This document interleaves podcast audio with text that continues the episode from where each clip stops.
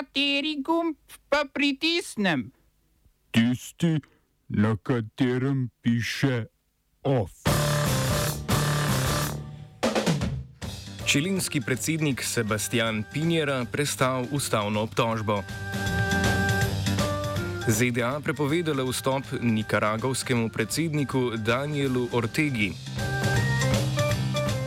Skupščina GNI neuspešna z imenovanjem nove uprave, o njej bo odločalo sodišče. V krofu Sarskov 2 kroži tudi med belorepimi jeleni. V kulturnih novicah pa premišljanje o smrti v plesnem teatru Ljubljana. Čilinski senat je s 24 glasovi proti in 18 glasovi za zavrnil ustavno obtožbo proti predsedniku Sebastianu Pinjeri. Za uspeh ustavne obtožbe je bilo potrebnih 29 glasov oziroma podpora dveh tretjin vseh senatorjev. Ustavna obtožba je bila vložena zaradi razkritja pandorinih dokumentov objavljenih minulega oktobra. Ti so razkrili, da je bil leta 2010 predsednik Pinjera upleten v sporno prodajo rudarskega podjetja Domingo. To je za dobrih 130 milijonov evrov pristalo v rokah poslovneža Carlosa Delana, dobrega prijatelja predsednika.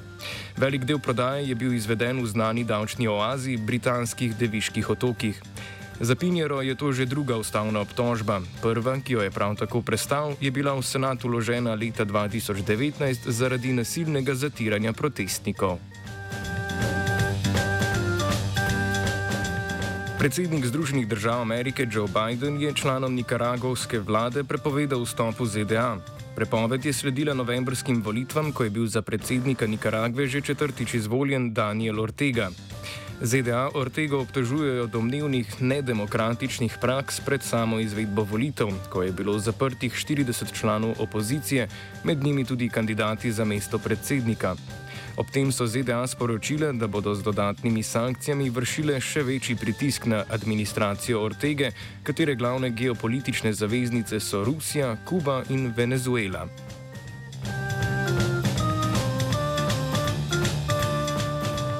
Armenija in Azerbajdžan sta ob posredovanju Rusije po včerajšnjem spopadu na območju Gorskega Karabaha dosegla premirje. Strani druga drugo obtožujete za ponovno zaostritev napetosti. Armenski premijer Nikol Pašinjan je Azerbajdžan obtožil napada na suverenost in neodvisnost Armenije. Azerbajdžansko obrambno ministrstvo pa je sporočilo, da so armenski vojaki napadli azerbajdžanske položaje. Podatki o smrtnih žrtvah med vojaki se razlikujejo, kratkotrajni spopad pa naj bi terjal približno 10 smrtnih žrtev.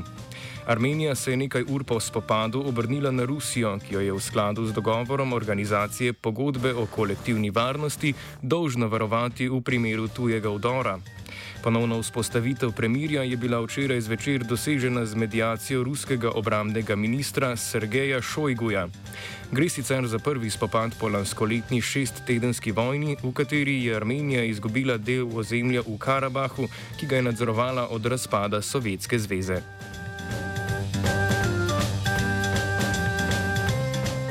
Mjanmarska vojaška hunta, ki je februarja letos izvedla državni udar, je odstavljeno voditeljico mjanmarske vlade Aung San Suu Kyi obtožila volilnih prevar in neustavnega vladanja.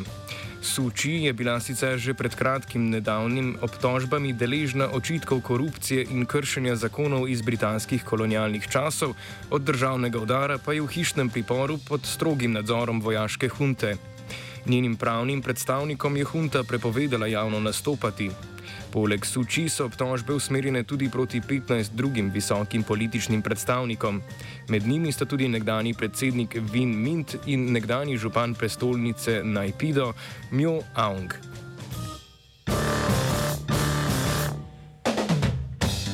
Trgovska veriga športno opremo Decathlon bo na severu Francije nehala prodajati kanuje.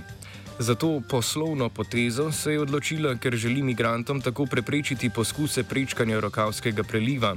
Odločitev o umiku kanujev iz prodaje naj bi poslovalnice sprejele same, potem ko je francoska obalna straža poročala o več naplavljenih kanujih in pogrešanih migrantih, ki so poskušali prečkati rokavski preliv.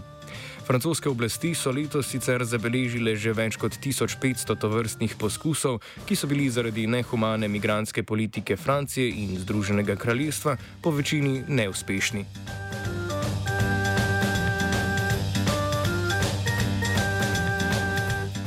Predsednik Republike Srpske Milorad Dodik se je z izjavo o ustavnih načelih zauzel, da bi Banja Luka dobila status prestolnice Republike Srpske.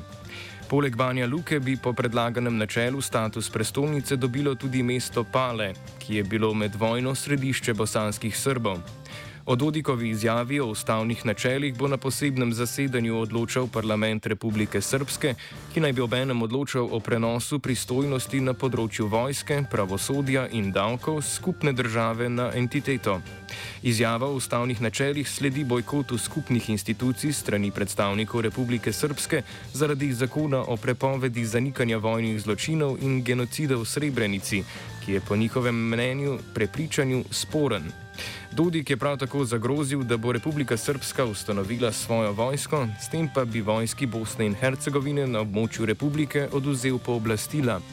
O separatističnih težnjah Republike Srpske je že pred tedni svaril visoki zunanje politični predstavnik Evropske unije Josep Borel, ki je povdaril, da Dodikove separatistične težnje poglabljajo politično krizo v Bosni in Hercegovini.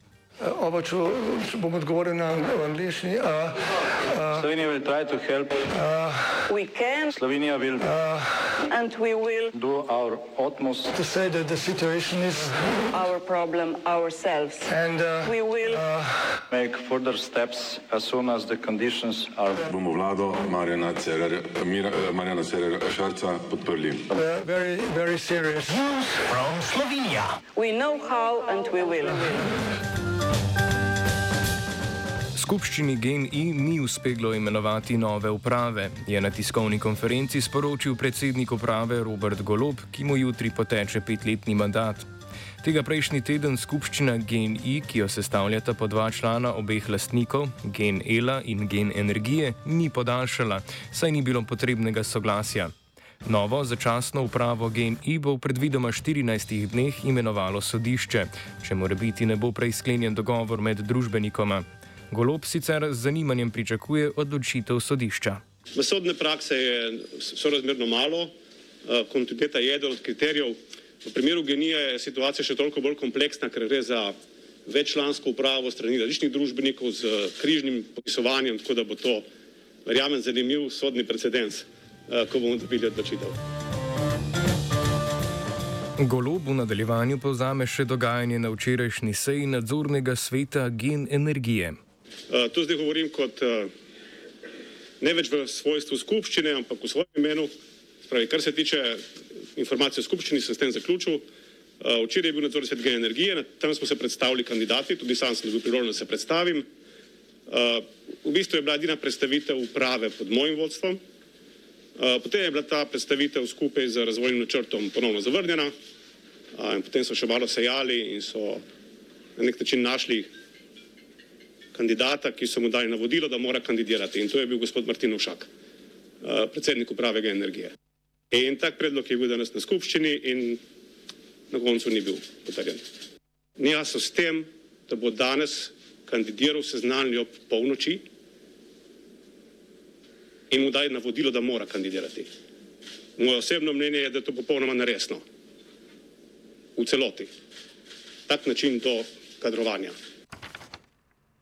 Off sta pripravila Vajnec Žan in Matija.